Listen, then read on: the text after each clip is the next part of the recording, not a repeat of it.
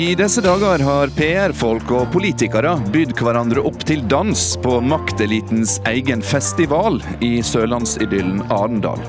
PR-byråene opererer på sida av de etablerte maktstrukturene i samfunnet mot betaling. Har PR-bransjen blitt vår femte statsmakt? Ja, Hjertelig velkommen til ei ny utgave av aktualitetsprogrammet disse dager. Både til deg som hører oss i NRK P2 og podkast for å bli litt klokere, og til publikum her i Pollen i Arendal.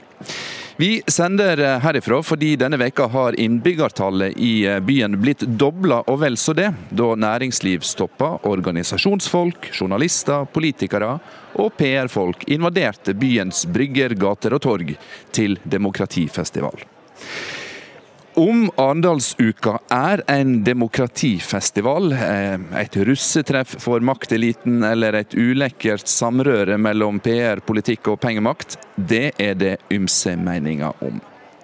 Men det er iallfall heva over tvil at det er mye makt som har vært samla i Arendal disse dagene. Både fra den lovgivende makta i Stortinget, den utøvende makta i regjeringa, og oss fra den såkalt fjerde statsmakta, mediene. Vi spør i disse dager i dag om vi har fått ei femte statsmakt i Norge. Ei som opererer på utsida av alle samfunnsstrukturer, nemlig PR-byråer, som mot betaling påvirker politiske vedtak og mediesaker. For å kunne svare på spørsmålene må vi først forstå hva PR-bransjen er. Og da skal vi ta inn den tidligere politikeren, statssekretæren, PR-rådgiveren og nå eh, forsker Ketil Raknes. Hjertelig velkommen, Takk. Ketil. I fjor eh, skrev du eh, boka 'Jakta på makta tolv råd for eh, effektiv påvirkning', sammen med den tidligere nestlederen i SV, Bård Vegar Solhjell. La oss begynne med det helt grunnleggende, Ketil. Det er to bokstaver vi snakker om her. PR, som betyr Public Relations. Hva mm. handler det egentlig om? PR handler om relasjon mellom en organisasjon og omgivelsene. Um, og De fleste organisasjoner i Norge i dag er veldig opptatt av hvordan omgivelsene ser på dem. Om du er en offentlig bedrift eller en privat bedrift, eller om du uh, er en interesseorganisasjon, så har du folk som jobber for deg med kommunikasjon, som ønsker å påvirke publikum på ulike måter i måten de ser på deg. Og Kanskje det mest kjente er jo politiske partier, som vi vet bruker veldig mye tid på hvordan de skal fremstå på TV, og hvordan de skal fremstå i ulike situasjoner. Mm. Å påvirke politiske beslutninger, lobbyvirksomhet, ja. det er jo eh, like gammelt som selve arvesynda, eh, ja. omtrent. Hvorfor eh, omtaler vi ofte dette som problematisk? Det er fordi at veldig mange av diskusjonene om lobbyvirksomhet i Norge har handlet om overganger mellom PR-bransjen og politikk. Men samtidig så er jo lobbyvirksomhet noe av det mest vanlige vi gjør i det norske demokratiet. Det er hundrevis av møter på Stortinget hver dag hvor ulike organisasjoner forsøker å påvirke Eh, beslutninger. Men jeg tror at den debatten om svingdøren mellom PR og politikk, den handler egentlig mer om eliten i Norge, og hvordan eliten i Norge skifter posisjoner. Ja, og det er noen som betaler for dette. Det er jo en pengemakt som eh, etterspør tjenestene til tidligere politikere, eh, ja. som da har blitt PR-agenter. Ja. Hvordan er mekanismene her, for dette er jo en bransje i vekst?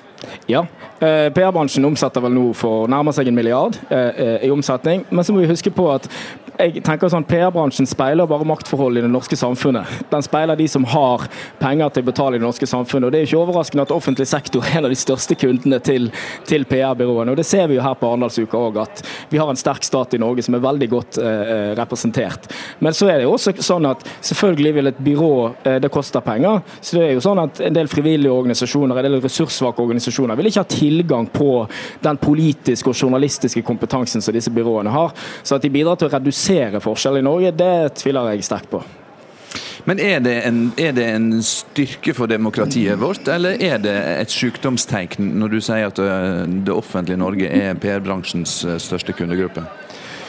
Altså Det kommer litt an på øynene som ser. fordi at øh, altså alle det som vi kan si da, det er at kommunikasjon har blitt stadig viktigere i samfunnet. Eh, eh, og Det betyr at stadig flere organisasjoner ansetter folk, de bruker penger på det. De, de er opptatt av hvordan de eh, Og det har også med medieutvikling å gjøre. Og at, og at, det hvordan du ser ut i mediene og hvordan du tar deg ut i offentligheten, betyr mer for hvordan man, man ser på folk generelt.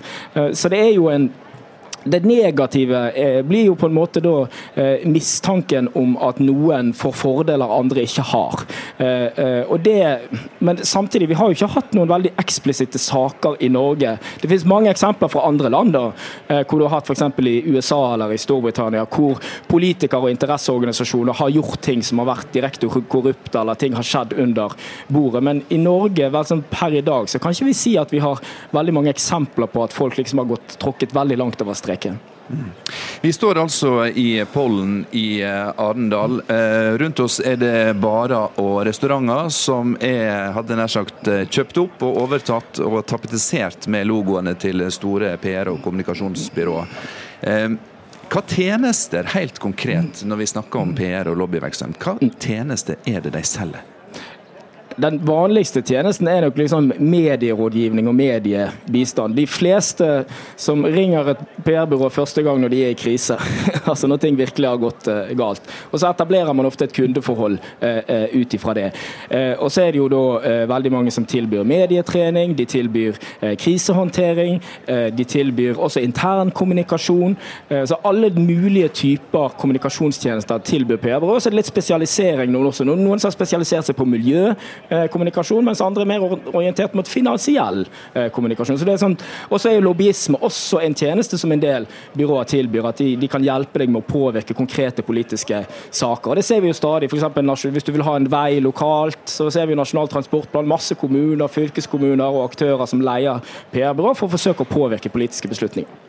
Vi skal senere i sendinga hente inn eh, tre politikere eh, ja. for å høre om de lar seg påvirke, og på hva måte. Mm. Du har jo erfaring både fra SV, eh, ja. fra PR-bransjen, ja. den spisse delen av den, og nå forsker du på dette. Lar politikerne seg påvirke av folk med særinteresser og pengemakt?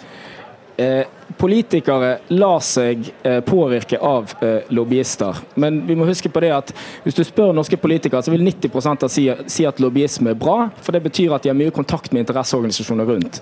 Men hvis du intervjuer norske politikere om dette, og det vet jeg selv også, så er det én ting du aldri kommer unna i politikk, og det er argumenter. Mm. og det er tyngden i argumentene dine, tyngden i faktagrunnlaget som du legger fram.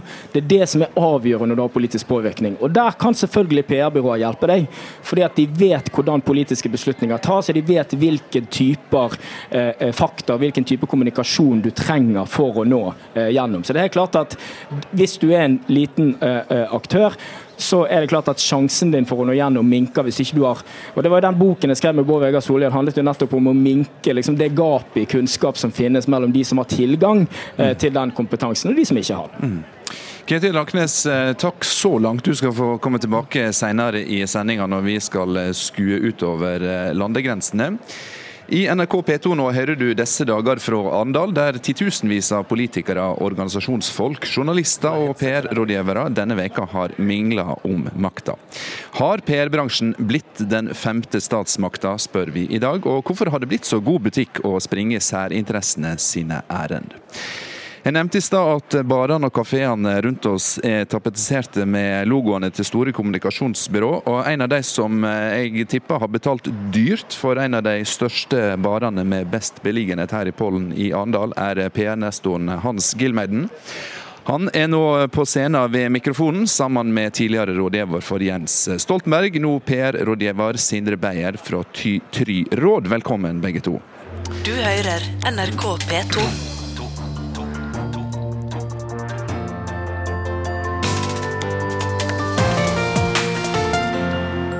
Jeg begynner med deg, Sindre Beyer. Du eh, har vært veldig tett på eh, tidligere statsminister Jens Stoltenberg. Nå eh, lever du av å selge din politiske kapital. Hva er det du har å selge? Nei, Det vi har, er jo kunnskaper om hvordan beslutninger i samfunnet tas. Og veldig mange bedrifter organisasjoner de trenger i perioder eller over tid hjelp til å ha noen å spare med og jobbe for å påvirke det de ønsker. Og da har vi møter, gjennomfører det Kjetil Rakenes eh, snakket om i stad. Medietreninger, legger strategier. Det er en del av jobben eh, vi gjør. Hvem er det som kjøper tjenestene dine? Det er alt fra offentlige etater til private bedrifter. Eh, og noen ønsker en eller annen form for spesialkompetanse fordi det er et felt de ønsker å vite mer om. Andre gjør det av kapasitetsgrunner. Altså De ønsker å drive med det de eh, er flinkest til, enten det er å drive et hotell eller et steinbrudd, men har behov for å kommunisere ekstra i perioder. Og istedenfor å ansette et stort eh, kommunikasjonsapparat, så leier de inn et eh, byrå eh, for å hjelpe dem i perioder. Mm. Du har hatt eh, sentrale posisjoner i Arbeiderpartiet, både som eh, statssekretær, politisk rådgiver, kommunikasjonssjef for eh, Arbeiderpartiets stortingsgruppe. Blir du ofte bedt om å fikse direkte tilgang til partiledelsen? Nei, det gjør jeg ikke. Og dersom jeg fikk en sånn henvendelse, så ville jeg heller ikke sagt at det var noe jeg gjorde. Hvorfor ikke? Nei, for jeg er ikke først og fremst uh, i denne bransjen fordi jeg skal selge en kontaktliste. Det er fordi jeg har kunnskap uh, og kompetanse til å gi råd til hvordan de selv kan gjøre det. Og så er det ikke et veldig godt råd heller. Uh, det beste for norske politikere og beslutningstakere er om bedriftene og organisasjonene har en en god plan, klarer klare å være konkret i hva de ønsker å formidle. Og har man en god sak, så har man en tendens til å få eh, gjennomslag. Eh, og hvis jeg skulle løpt rundt som en sånn lobbyist for 15 stykker og ringt til, så hadde jeg ikke hatt tillit til noen sted heller. Og jeg tror ikke det virker. Hans Gilmeiden, du er en av grunnleggerne i det som de kaller Nordens største kommunikasjonsbyrå. Jeg formulerer meg slik, for jeg har ikke gått gjennom rekneskapen til eh, alle byråer. Eh, men du kaller kommunikasjons- og PR-byrået Gilmed Kise for en samfunnsaktør. Hvorfor eh, er dere det? Vi er jo en rådgivningsorganisasjon, men fordi vi er 150 stykker, så tenker vi at vi også er blant dem som har mest kunnskap om de skandinaviske samfunnene. Vi har jo kontor i Stockholm og København også. Og Vi er heller ikke redd for å bruke den kunnskapen. Tvert imot syns vi at det er en forpliktelse å bruke den kunnskapen til å kommunisere med samfunnet når vi kommuniserer i regi av oss selv. F.eks. her i Arendalsuken har vi gitt ut en roman som vi har kalt 'Det populistiske manifest'. Der vi forsøker å forstå hvorfor 20% av velgerne ved kommunevalget denne høsten kommer til å stemme ganske annerledes enn det de har gjort tidligere. Er du og ditt byrå en, en del av det norske demokratiet, eller er dere litt på utsida? Eh, alle som bor i Norge er jo en del av det norske demokratiet, og selvfølgelig er vi det også. Eh, det er jo vanlig å spørre om eh, vi har mye makt. Jeg syns kanskje at man overdrever den makten vi har, men i den grad kunnskap er makt, så er det klart, som Sindre er inne på, vi har mye kunnskap. Og vi har mye kreativitet. Og vi bruker den kunnskapen og kreativiteten til å hjelpe våre oppdragsgivere å medvirke i det norske demokratiet. Vi flytter makt, skryter Gilmeden Kise av. Er det tunge løft? Det kan være ganske vanskelige utfordringer. og det er ganske mange som tenker at eh, norsk forvaltning for eksempel, er blitt komplisert, og som ikke vet hvordan de skal eh, medvirke. Eh, så våre prosesser kan godt være lange prosesser. Og Det er ikke sikkert at oppdragsgiverne går inn i de prosessene med det samme standpunktet som når de går ut. Og Da tenker jeg alltid at da har demokrati virket sånn som det skal. Vi har raffinert synspunkter og posisjoner. Jeg starta sendinga i dag med å spørre om din bransje har blitt ei femte statsmakt. Ehm, og så var det en bransjekollega av deg som mente at det kanskje var å overvurdere denne bransjen. Ja, jeg er helt enig med den bransjekollegaen eh, i det. Jeg tenker at vi er en eh, aktør eh, som rådgivere i bransjen. Og jeg tror vi er blitt en viktig aktør. Det er klart, Jeg er jo litt stolt over at den bransjen som jeg var med på å starte sammen med Jo Kise for nøyaktig 30 år siden, at det er blitt en stor og ganske stueren. Ganske anstendig. Jeg sier ganske, da. For det finnes jo noen utskudd her og der. Eh, bransje som omsetter for 1 milliard kroner i året, sa Rakkenes i sted. Eh, og da tenker jeg at eh, eh, det er bruk for oss. Sindre Beyer, dette er en eh, bransje i vekst. Og så er spørsmålet er, er det selve veksten av PR-folk som er problematisk, eller er det tvert imot at dette behovet ser ut til å være økende? Behovet for hjelp?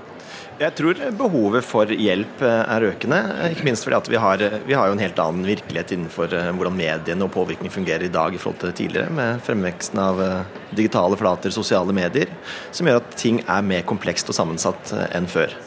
Og så tror jeg også at uh, det har vært en bransjeglidning. At våre typer byråer konkurrerer ofte også med eh, andre typer konsulentselskaper, advokatselskaper. Så det er en del av, vi får også en større del av den kaken. Som gjør at også vi rekrutterer bredere. Ikke bare folk fra det politiske miljøet, men eh, kreative mennesker, folk som er gode på teknologi eh, og ulike utdanningsbakgrunn. Så jeg tror ikke nødvendigvis det er mer lobbyisme enn før, men jeg tror vi jobber bredere i bransjen enn det vi gjorde før. Og derfor har det vært en, en omfattende vekst. Og så er det også et skille mellom type reklamebyråer og PR-byråer som også er visket ut, ved at man bruker mye av det samme, det man tidligere kalte reklame, inn i en mer rådgivningssammenheng. Jeg tenker Det problematiske eh, er aktører i bransjen som ikke følger en bransjeetikk. Eh, det er problematisk. Det er problematisk med lukkethet, som fortsatt preger deler av bransjen. Særlig inn mot lobbyområdet, som da er ett tjenesteområde eh, som vi snakker om i dag. Og jeg tenker også at bransjen trenger ny regulering. F.eks. så tenker jeg at det skal være mye lengre vei fra statsministerens kontor og inn i vår bransje. Eh, det, ikke, det, holder ikke med seks måneder. Eh, skal man gjøre et sånt hopp fra en så sentral stilling, så tror jeg vi må snakke om eh, karantene på flere år. Og Det sier du som hadde hatt nytte av å rekruttere folk som kom rett fra statsministerens kontor. Hva er motivasjonen din for å ta den posisjonen? Det kan jeg ikke huske at vi har gjort. Jeg sier ikke at vi ikke rekrutterer politikere, for vi anerkjenner den politiske kunnskapen høyt. Og jeg er veldig imponert over politikere som spiller i Eliteserien, altså som sitter på Stortinget og som jobber i forvaltningen. Eh, så jeg har ingen problemer med å si det. Vi er ikke ute etter, den, eh, ute etter kontaktnettene til disse menneskene. Vi er ute etter den kunnskapen og den kreativiteten, ikke minst, som dyktige kolleger sitter på. Men eh, sett utenfra så kan en jo eh, få inntrykk av, eller fall være uroa for at det er nettopp eh, kontaktnetta til Sindre Beyer og andre tidligere partitopper som er til salgs, til den som betaler best. Sindre Beyer, skjønner du at vi er mange som er uroa over denne svingdørspraksisen mellom politikk og PR? Ja, jeg syns det er en helt uh, fin eh, debatt å ha. og Det er en viktig del av det offentlige ordskiftet. Og jeg kan godt være at man skal ha strammere reguleringer. Jeg syns nok Hans uh, tar litt mye av. Men, men jeg, husker jo i 2013, da regjeringen Stoltenberg gikk av, så hadde jo Gelmin Kise store helsidesannonser hvor de ønsket å rekruttere folk fra politikk. Så han har nok justert seg litt underveis, han også. Men jeg skjønner debatten, og det er helt greit. Og jeg, godt, jeg mener jo de reglene vi har i dag på habilitet på vei inn og ut av, er ganske stramme stramme og greie. Og så Hvis det skjer noen store skandaler, så kan det være at Eller man må unngå at det skjer store skandaler, og vi kan, har ikke sett noen store skandaler hittil. Og det er jo, som også har vært snakket om tidligere, så har jo land med veldig strenge regler kommer fordi det har vært store skandaler. Det har det ikke vært i Norge.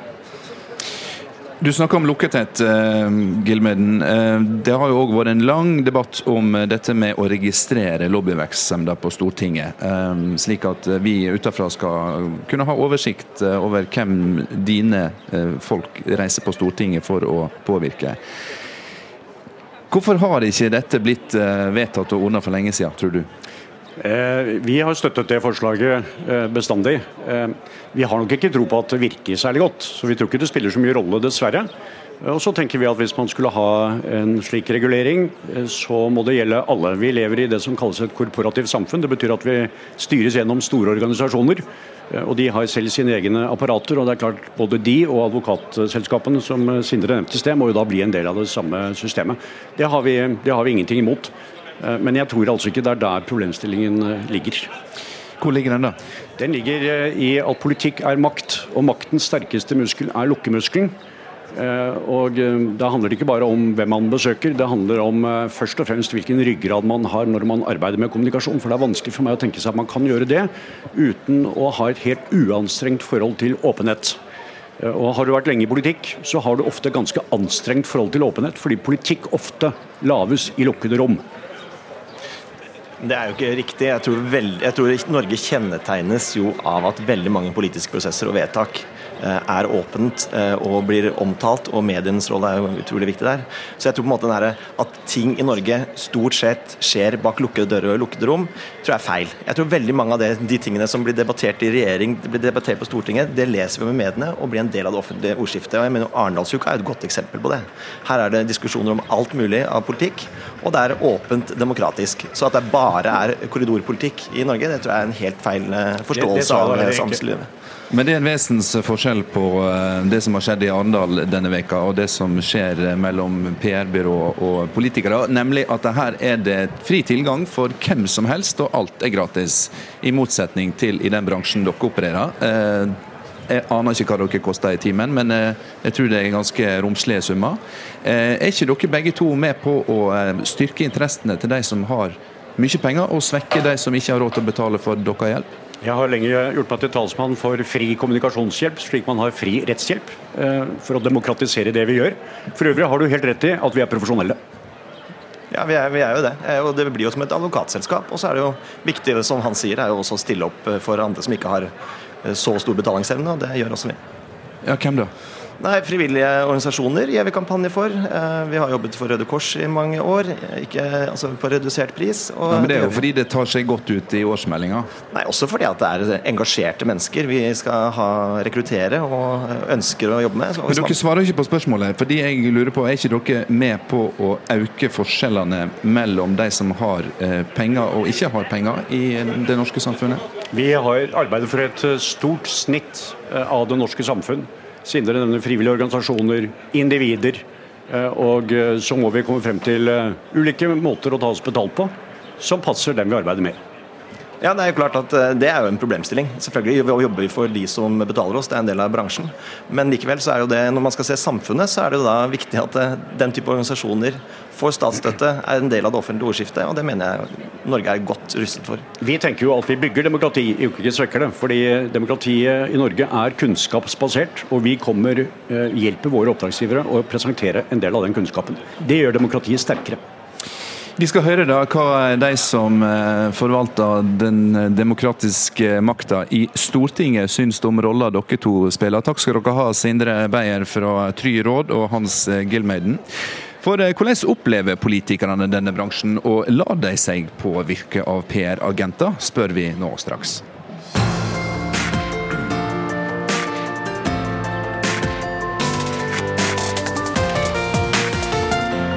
For vi snakker her i disse dager fra Arendal om ei maktforskyving i det norske samfunnet, fra den demokratisk valgte makta til den strategisk kjøpte. I samfunnsfagstimen på skolen så lærte vi at eh, maktstrukturene i Norge er delt i ei lovgivende makt i Stortinget, ei utøvende makt i regjeringa og ei dømmende makt i domstolene. Og vi lærte også at mediene ofte blir omtalt som den fjerde statsmakta. Så er spørsmålet om PR-bransjen og de som driver med lobby utgjør ei femte statsmakt. Jeg begynner med deg, Audun Lysbakken, leder i SV. Lar du deg påvirke av eh, PR-folk og lobbyister? Så Lobbyisme i seg selv er jo ingenting uh, illegitimt. Det trenger vi jo i et demokrati. Ulike organisasjoner og ulike interesser må nå fram til de folkevalgte med sine argumenter. Men problemet her er jo når noen kan betale veldig mye for å komme foran i den køen. Det er jo veldig vanskelig for oss å helt vite i hvilken grad vi blir påvirket. fordi at eh, det er jo sjelden at du ser Det er jo ikke byråene du kommuniserer med, men de som har fått deres råd. Jeg tror nok at for et parti som SV, og dette handler litt om hvem du representerer, så, så er jo vi et parti som er opptatt av å representere de kreftene i det norske samfunnet som har minst makt og rikdom. Det er jo som regel de organisasjonene for eksempel, som ikke har råd til å betale for PR-byråene sine tjenester. Eh, så vi, jeg tror nok at eh, vi forholder oss i ganske liten grad til lobbyister som har fått velsmurte råd fra de store PR-maskinene. Mm. Liv Signe Navarsete, du har en fortid som partileder i Senterpartiet og som statsråd. Er det vanskelig å vite hva agenda de har, de som tar kontakt med deg på oppdrag for andre? Ja, det er jo vanskelig å vite. Eh, men nå er det jo ofte slik at de som kommer til oss som politikere, enten med statsråder eller stortingsrepresentanter, det, det er jo de som måtte ha en sak å legge fram. Det er jo, det er jo ikke så ofte de sender f.eks. folk fra PR-byrå og sånt til å gjøre det. Det, det tror jeg ikke har hendt. Men det som er problemet for oss, det er jo rett og slett å vite om det, den informasjonen som de kommer til oss, eh, er på en måte vridd eh, på et eller annet vis for, for å passe inn kanskje i et strategisk bilde. Mm. For det er jo det PR-byrået er veldig gode til. De er gode til å, å, å, å, lage argumentasjon som passer inn rett og slett i et, et strategisk bilde som, eh, som da høver for den kunden. Og når vi sitter på andre sida av bordet, så vet en jo helt tatt ikke det.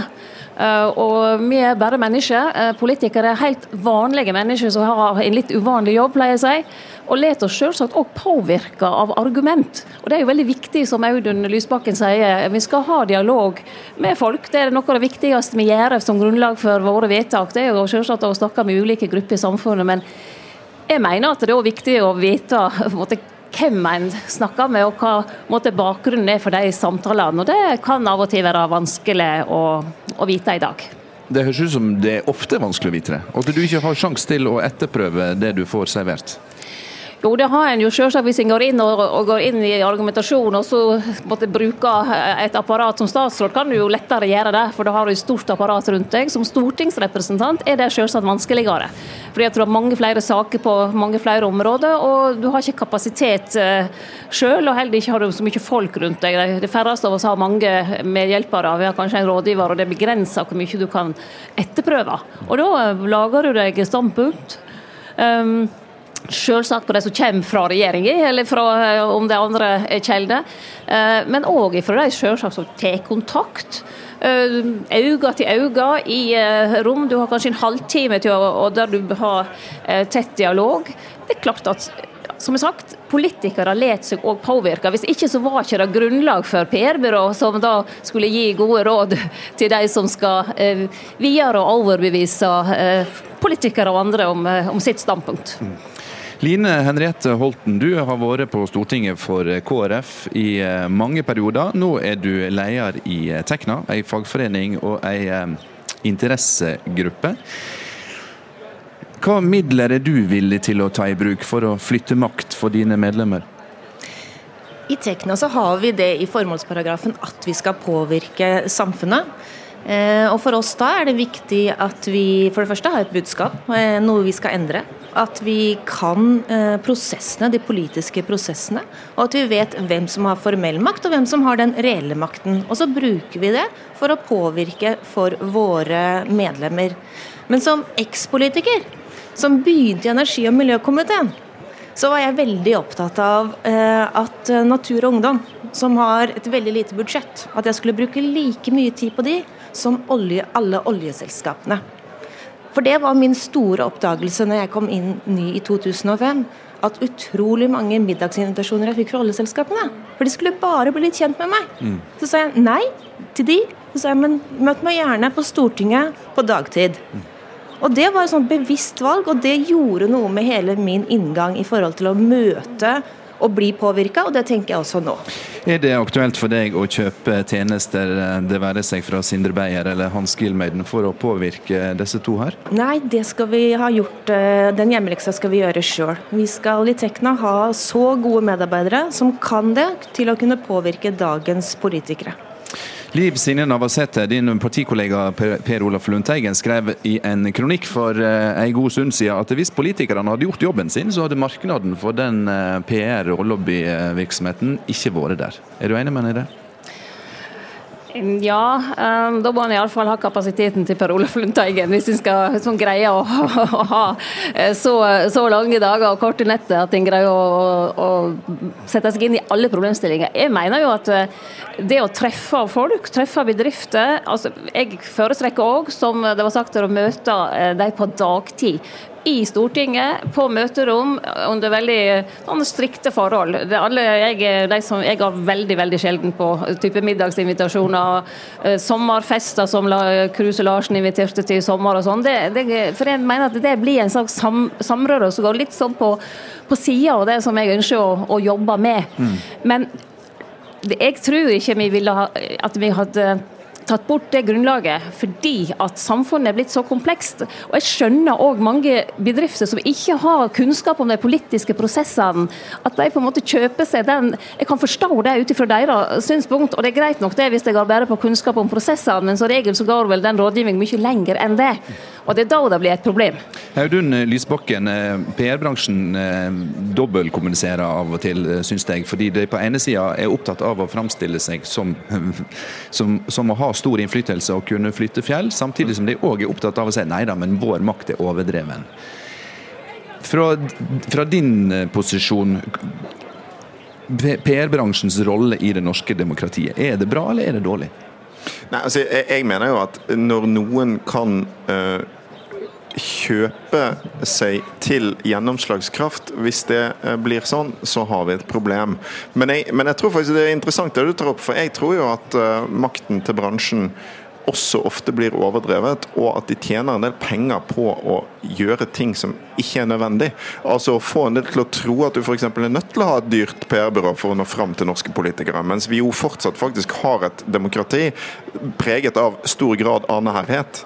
Ikke sant? Og, og, og skal, jeg tenker at dette er veldig opp til politikerne sjøl hvem vi hører på og hvordan vi gjør det. Dette er jo også et argument denne samfunnsutviklingen for noe annet som vi ofte debatterer, nemlig at de folkevalgte har fått mer ressurser rundt seg. Det kommer jo ofte mye kritikk mot det. Men jeg mener det faktisk er veldig viktig at de folkevalgte har ressurser til å utrede og undersøke ting sjøl. Og så skal en huske på at det finnes ikke noe PR-byrå i verden sant, som f.eks. kan gå til, eh, gå til eh, SV med argumenter for skatteletter for de rike og få gjennomslag. For det, det funker jo ikke sånn. ikke sant? De fleste partiene vet veldig godt hvem vi hører på, eh, og det kan ikke pengene styre, heldigvis. Line Henriette Holten, eh, du nevnte oljebransjen i stad, som jo eh, har utrolig mye penger i forhold til eh, andre næringer. Men, og du, du, representerer jo nå sjøl ei interessegruppe, Tekna-medlemmene, ingeniørene. Er ikke det greit at de som har økonomiske muskler, kjøper seg den hjelpa de trenger? Nei, det er jo ikke det i demokratiet. Eh, fordi eh, folkevalgte skal jo bli påvirka av alle. De skal jo få belyst saken eh, på de forskjellige sidene. Og Da er det jo viktig at folkevalgte har en lav terskel, som jeg opplever dagens stortingsrepresentanter har, for å bli tatt kontakt med. Og Det er jo egentlig bare den enkle dialogen, argumentene. Det er det som skal påvirke da Liv Signe og Audun. Det er det som til sjuende og sist, ikke hvem som gjør det. Sindre Beyer nevnte i stad at eh, det har mediebildet, eller medielandskapet, har endra seg veldig, bl.a. pga. Eh, digitalisering eh, av kanalene. Er det slik at politikken er den samme trauste, solide som før, men det er liksom mediene sin feil at det har blitt sånn? Nei, det tror jeg ikke. Vi kan si altså Vi lever jo av og med medier, om vi er utafor eller innafor i politikken. Eh, min far som var politiker før meg, han sa jo at det var liksom Dagsrevyen, liksom. Man sykla ned og gjorde, og da var det liksom det store. Eh, nå er det jo ikke sånn. Nå setter man jo dagsorden hele tiden. Eh, og der skal også vi som en interesseorganisasjon være. Vi setter dagsorden. Vi ønsker å påvirke politikerne gjennom media, og politikerne tror jeg blir påvirka også gjennom media. Det er jo riktig at medietrykket har blitt mer eh, intenst fordi det er 24-7, men det er også sånn at mange redaksjoner har fått mindre ressurser. Det er òg en demokratisk bekymring, fordi at denne balansen mellom eh, lobbymakten på den ene siden og redaksjonene på den andre siden tror jeg har blitt forrykket en del. Men jeg hadde lyst til å si at For meg er det viktig at det, det, viktigste demokratiske utfordringen her, det ligger i den forskjellen på tilgang til ressurser. En gang i året så har vi i SV sin stortingsgruppe vi arrangerer lobbykurs. Vi eh, Vi inviterer inn de lobbyistene som ikke har råd til PR-bransjen. Eh, og Da tar vi egentlig mål av oss til å gi oss alt det de kunne fått lært av PR-bransjen, helt gratis til de organisasjonene som ikke har råd. Og Det er ingen heksekunst nemlig å få tak i norske politikere, men da lærer vi de akkurat disse tingene. Hvilke argumenter bør du bruke, hva tidspunkt på året bør du ta, ta, ta kontakt osv. Liv Signe Navarsete, nå skal vi snakke om eh, denne svingdørspraksisen mellom PR og politikk. Fordi eh, du har jo eh, henta rådgivere du, fra PR-bransjen, og de har gått tilbake til PR-bransjen etter at de har jobba for deg. Hva syns du om en sånn praksis? Ja, jeg henta Erlend Fuglum fra P-bransjen. Jeg kjenner jo han fra før, da. Jeg er fra Senterungdomstiden, så jeg visste han var en veldig flink fyr. Eh, og hadde jo samtaler, og så tok han inn. Eh, jeg må være så ærlig å si at eh, det var ikke det smarteste jeg har gjort. Fordi at selv om han måtte da, til departementsråden og til departementet måtte levere en liste over sine kunder og alt det, så, så vil jeg, jeg ville ikke gjort det på nytt for å være helt ærlig. Jeg ville ikke gjort det på nytt. og Det er ikke det fordi at Erlend ikke er en ok fyr. Men eh, han hadde så mye forbindelser eh, som egentlig ikke jeg engang hadde skikkelig innsyn i. Eh, og det, det, likte jeg dårlig, for å være helt ærlig. Det, så eh, det var greit han gikk tilbake til, til, bransjen, men min lærdom var at uh, dette gjør iallfall ikke jeg igjen. Nå er jo ikke jeg statsråd for tiden, så, så, det er noe greit nok. Men jeg mener at den praksisen at en går imellom ikke er noe særlig. og jeg jeg får en sånn litt ømmen smak i munnen når eh, tidligere politikere, eh, stortingspolitikere, kommer og liksom plutselig blitt fått en helt annen rolle. Jeg kan ikke for det, men eh, jeg, synes ikke, jeg kommer ikke til å gå inn i PR-bransjen. Jeg er i politikken fordi jeg har et engasjement for, for samfunnsutvikling, og da passer det på en måte ikke i hop med det. Audun Lysbakken, eh, vi starta sendinga med Ketil Raknes, tidligere SV-politiker, så spinndoktor og nå forsker. Eh, kollega av deg sånn sett.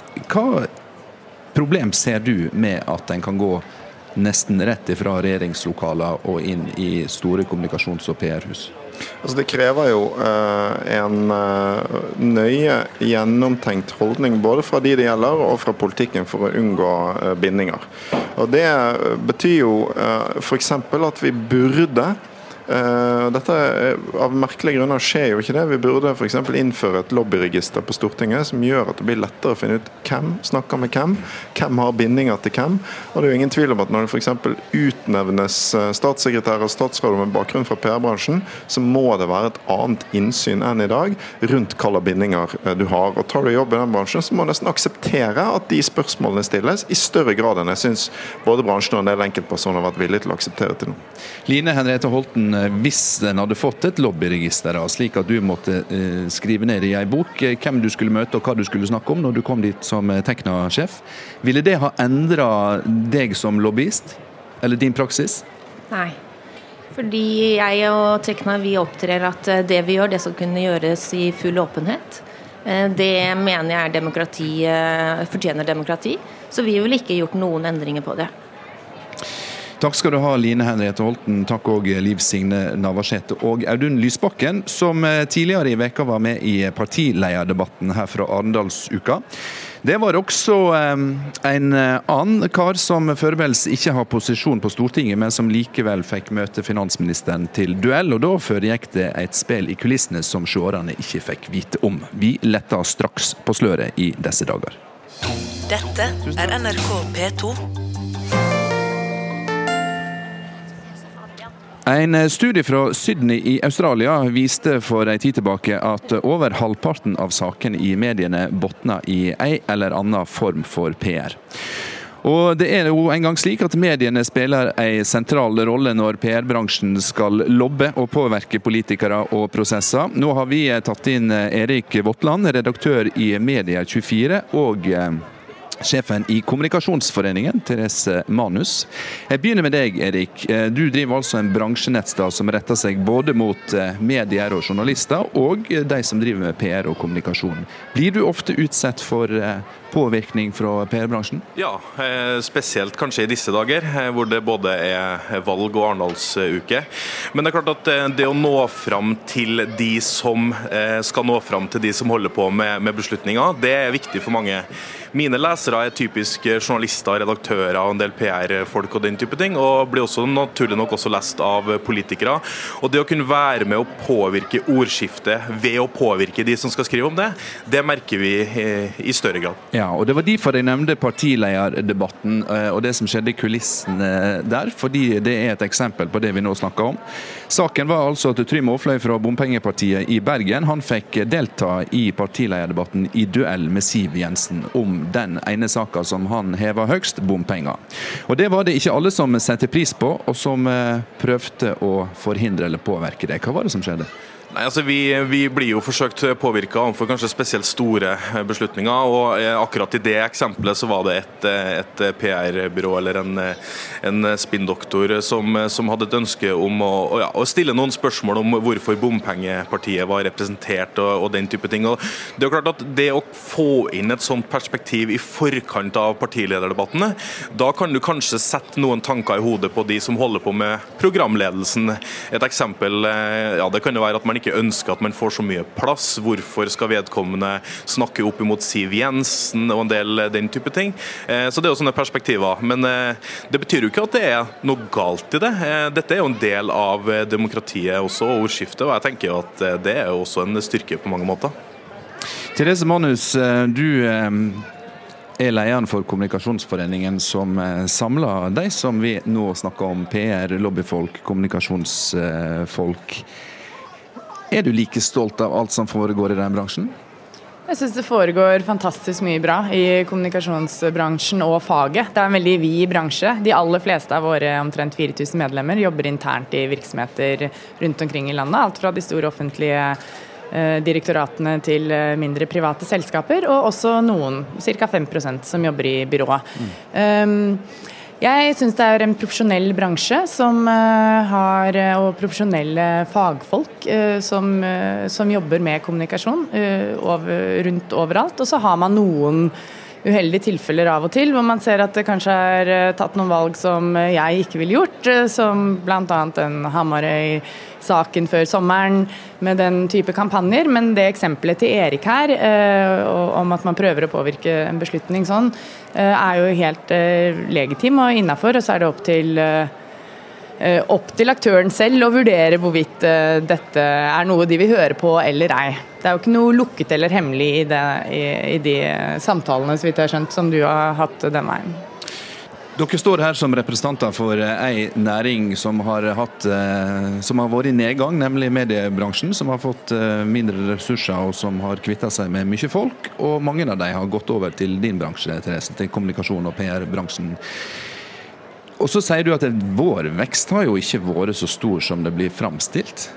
Nei, altså kommunikasjonsbransjen, eller antall kommunikasjonsmedarbeidere, vokste enormt etter år 2000 og frem til Eh, i sånn ca. 10, eh, maks 15 år. Vi, selv hadde vi en medlemsvekst frem til 2013. Etter det har det ligget ganske stabilt.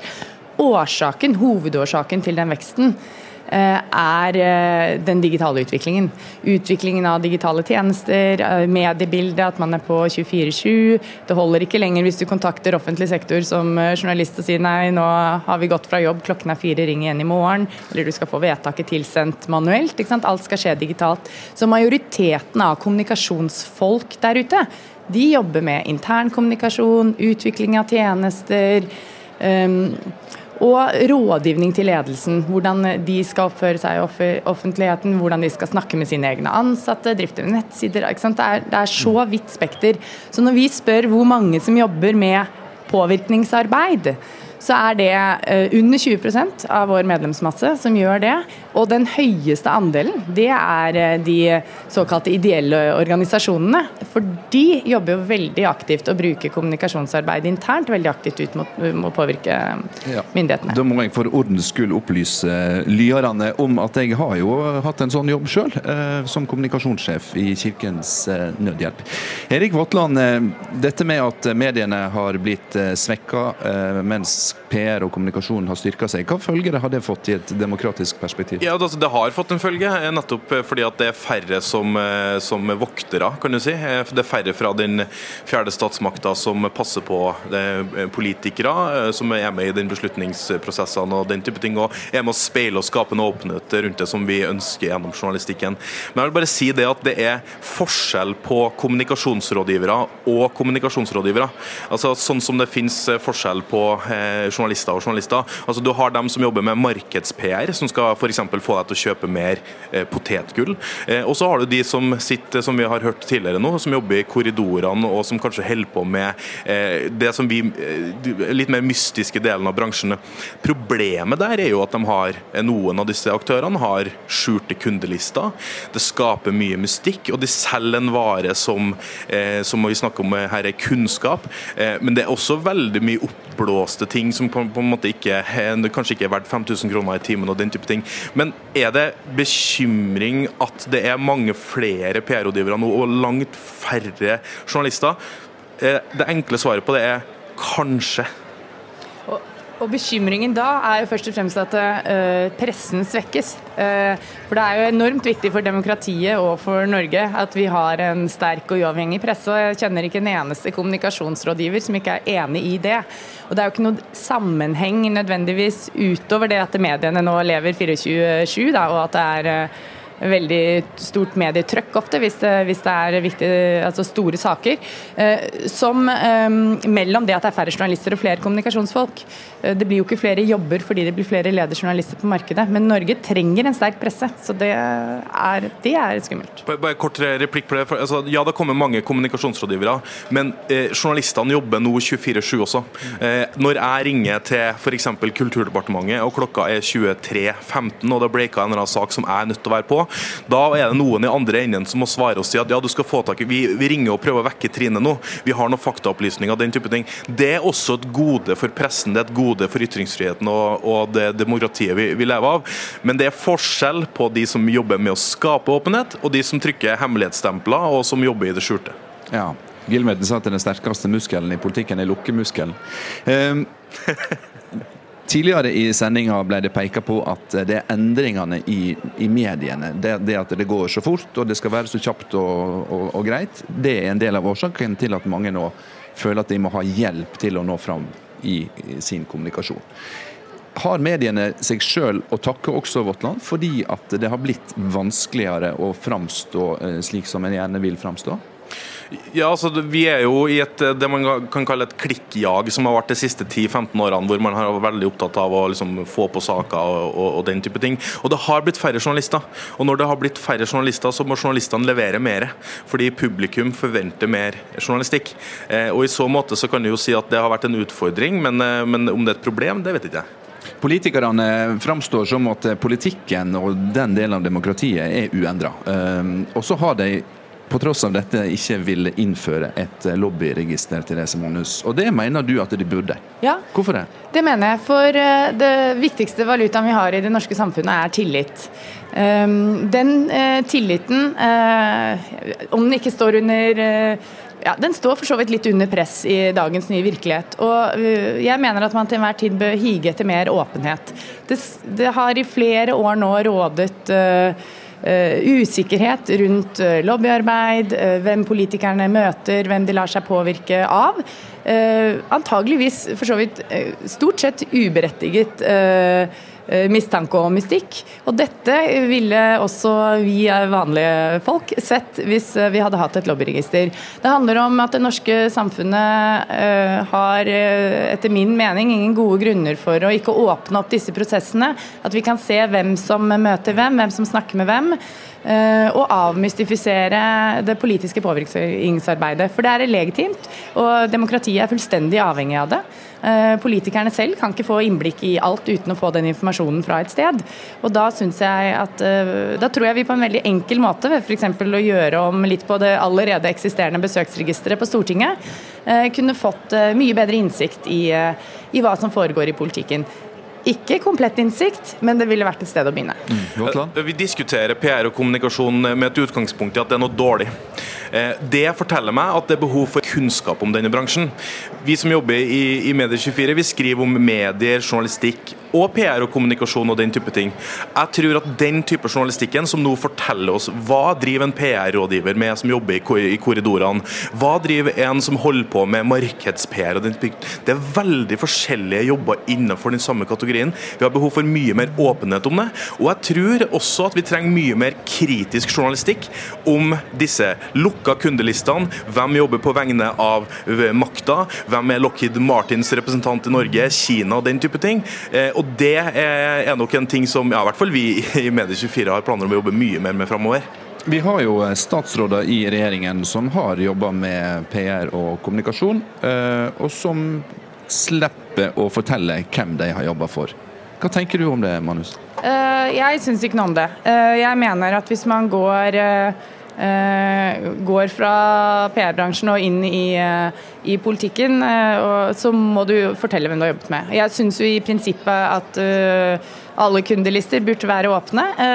Så har jeg forståelse for at ikke alle kan være det akkurat der og da, men jeg ser ingen grunn til at man ikke i etterkant at oppdraget er fullført, hvis det er børssensitivt eller interne prosesser, fusjoner, og sånne ting Eh, at man allikevel i etterkant ikke kan fortelle om det. Så jeg syns jo at det burde vært et krav. Går man eh, til en eh, posisjon i regjeringsapparatet, så må man fortelle hvem som har vært kunden. Jeg er fullstendig uenig. fordi jeg mener at hvis du skal ha en jobb på vegne av oss alle sammen i demokratiet Norge, så skal vi vite, hvis du kommer fra First House, Kruse Larsen eller noen av de store PR-byråene, hvilke interesser representerte du, og hvilke representer, hvilke representerer du nå? Er det på vegne av folket, eller snakker du på vegne av kunden din? Og Problemet er jo ikke at vi tror at statsrådene snakker på vegne av kunden. Problemet er at vi stiller det spørsmålet i det hele tatt. Og Det kunne vi fjerna på et veldig tidlig tidspunkt ved å avmystifisere det. Vis meg hvem er kundene dine, og gjør det brennkvikt. Jeg er, helt, enig. og øh, ja, jeg, forstår rett og slett ikke at øh, vi ikke er der allerede. For det er akkurat som Erik sier, så fort man sår den tvilen det er antageligvis ikke noe problem, men når tvilen er sådd Det er ikke det at jeg har mistillit til de som sitter i posisjonene, men øh, vet man ikke, så skader det tilliten i samfunnet, og det er det ingen som gagner på. Therese Manus fra Kommunikasjonsforeningen og Erik Votland fra Medie24, tusen takk for at dere kom til eh, disse dager og deltok i samtalen om hvorvidt eh, PR-bransjen har blitt eh, ei femte statsmakt.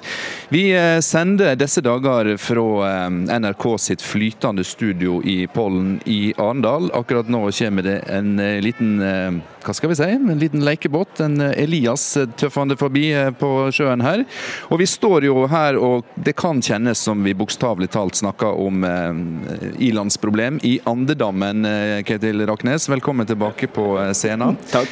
Nå skal vi snakke om hvordan symbiosen mellom politikk, PR og pengemakt ser ut i andre land. Eh, for dette som vi snakker om her i dag, er jo ikke et norsk særfenomen på noen måte. Nei, eh, og hvis vi tar EU som et eksempel, så 50% av de som sitter i EU-parlamentet, etter de slutter, så er de lobbyister eh, to år etterpå. I Kongressen i USA så er det over 60% av medlemmene i Kongressen som senere går over til lobbybransjen. Så det er klart at det vi ser i Norge, er jo en trend hvor politikken blir en yrkesvei, og en del av yrket blir å etter du er ferdig som politiker å påvirke det systemet du før har vært en del av. Og Det er nok litt av det er nok den debatten som jeg tror er mest interessant i forhold til eh, eh, demokrati og, og, utfordringene knyttet til, til, den bransjen. Det som det ble nevnt her, at det sås tvil om eh, du som folkevalgt egentlig bruker det du har fått til å selge det på et marked, og så oppnå andre fordeler eh, senere. Hvorfor har ikke vi greid å rydde den tvilen unna da, tror du? Nei, og Det finnes jo måter vi kan gjøre det på. For eksempel, vi har jo karantene. I noen land, f.eks. i Canada, så er det jo forbudt. Du får ikke lov å drive påvirkningsarbeid for en regjering du sjøl har vært en del av. Det syns jeg kan være et fornuftig eh, prinsipp. For det går også litt på at hvis du har vært en del av en regjering og går ut, så sitter den kunnskapen i ganske lenge etterpå. En karantenetid kan liksom ikke eh, eh bøte på det. Og i Canada f.eks. er det fem års karantenetid eh, eh, for folk. Så, så det handler egentlig om at politikere politikerne og, og, interesseorganisasjonene må på en måte diskutere og finne fram til fornuftige ordninger som gjør at journalister f.eks. slipper å stille de spørsmålene. Eh, og det som ble nevnt her også, Åpne kundelister vil være det mest fornuftige tiltaket PR-byråene kan gjøre for å oppnå økt eh, legitimitet i offentligheten, tror jeg. Vi har i denne sendinga snakka om endringer i mediebildet, medielandskapet. Vi har ja. snakka om veksten av en PR-bransje. Ja. Men eh, det er vel noe som har endra seg i de norske maktstrukturene i det norske samfunnet også? Ja, Uh, og det, det, vi kan si er jo det, Dette handler om det vi kaller profesjonalisering. At mennesker som har brukt, inkludert sånne som jeg har vært selv før, før jeg var forsker, at, at, det å bli politiker blir på en måte en, en yrkesvei. Uh, uh, og at det er visse ting du må kunne for å fungere i politikken. Og det gjør det vanskeligere å ta inn folk fra utsiden, folk som har andre typer bakgrunn. For eksempel, Vi ser jo det på statsråder nå. Det er nesten ingen regjeringer som tar inn statsråder som ikke har stortingserfaring, som ikke er på en måte på innsiden av det politiske systemet systemet. Men det sier også en annen ting også, at det å være politiker i dag er et fryktelig vanskelig yrke. Eh, som trengs utrolig mye trening. Eh, så det går litt sånn på rekrutteringen til politikken og hvilke typer mennesker vi rekrutterer inn. Og hvis det er visse typer eh, grupper som da ikke blir rekruttert inn i systemet, og det ser vi spesielt blant grupper som er lavutdanningsgrupper. Og det ser vi her på Arendalsuka også. ikke sant? At det er noen temaer som innvandring, distriktspolitikk, skatter og avgifter er ikke så høyt oppe på agendaen her som det er ute i befolkningen befolkningen. Så Grunnleggende sett så handler det om hvor representativt demokratiet vårt er, og om de menneskene vi rekrutterer inn som folkevalgte, speiler den befolkningen de er satt til å forvalte. Mm. Vi skal snakke om skandaler, eh, Ketil Raknes. fordi ja. I politikken så har vi hatt en del skandaler. Men akkurat i, i PR-bransjen og innenfor lobbyvirksomheter så har vi så langt i Norge ikke hatt noe eh, som vi kan kalle skandaløst. Ja, jeg mener jo at det er veldig bra. Eh, og det tyder jo på at det er mange mennesker i Norge som jobber innenfor denne sektoren, som ser at, at tilliten er en kapital de må ta vare på. Da, dermed så tror jeg at det hviler egentlig et enormt ansvar på norsk PR-bransje, sånn sett. Fordi at Den første skandalen, ta reiseregningene på Stortinget f.eks. Mm. Den ødela hele et tillitsbasert system eh, på Stortinget. Så den første PR-rådgiveren i Norge som tråkker over streken, gjør noe, forsøker å påvirke på en måte som folk oppfatter som uetisk eller de ikke ønsker, da kommer kravet om regulering. Og Det vil ramme liksom hele det norske demokratiet men eh, vi har snakka om at bransjen vokser. Og så ja. er det da et spørsmål hvorfor snakker vi om det som et eh, problem. Um, og så sier du at problemet er jo kanskje ikke at bransjen vokser, men at etterspørselen etter deres tjenester ja. øker. Ja, og det, det, er jo et kappløp her mellom du som er eh, journalist og de andre. fordi at Mediene har jo også vokst. Det er flere flater, det er mer etterspørsel. Eh, journalistene har også blitt tøffere, flinkere til å gå. Så det er jo litt en motstandskamp for en del organisasjoner òg. At de føler Hvis du snakker med ledere i ulike organisasjoner, så vil de ofte ha en følelse av at mediene er vanskelig. De, de, får, de får ikke de overskriftene de vil ha, og får ikke alltid den oppmerksomheten de søker. og Dermed så blir liksom på den andre siden PR-rådgiverne hjelper de da til å liksom liksom håndtere dette landskapet bedre. Men som det ble sagt, eh, veksten i PR-bransjen er sterkere enn veksten i journalistikken. På begynnelsen av 2000-tallet til i dag så har antallet medlemmer i Kommunikasjonsforeningen doblet seg, mens antallet journalister er like stort som det var. Så Det sier oss jo noe om at det er en maktforskyvning i retning av at de som driver med strategisk kommunikasjon, de vokser, mens dere som er eh, journalister står litt på stedet hvil. Og det er klart, Den maktbalansen eh, på sikt skal en være obs på i forhold til at et demokrati trenger sterk og uavhengig kritisk journalistikk eh, eh, hvis det skal fungere godt. Ketil Aknes, eh, tidligere politiker, spinndoktor og nå stipendiat og forsker. Takk skal du ha for at du kom til disse dager og opplyste oss om mekanismene i det norske demokratiet. Disse dager og jeg, Håkon Haugsbø, vi takker for oss fra Pollen i Arendal og tipser deg om at både denne sendinga og alle våre tidligere sendinger er tilgjengelige som podkast. Reporter i dag var Ola Solheim, teknisk ansvarlig var Frode Thorshaug, og produsent var Ragnhild Vartdal. Takk for følget fra Arendal.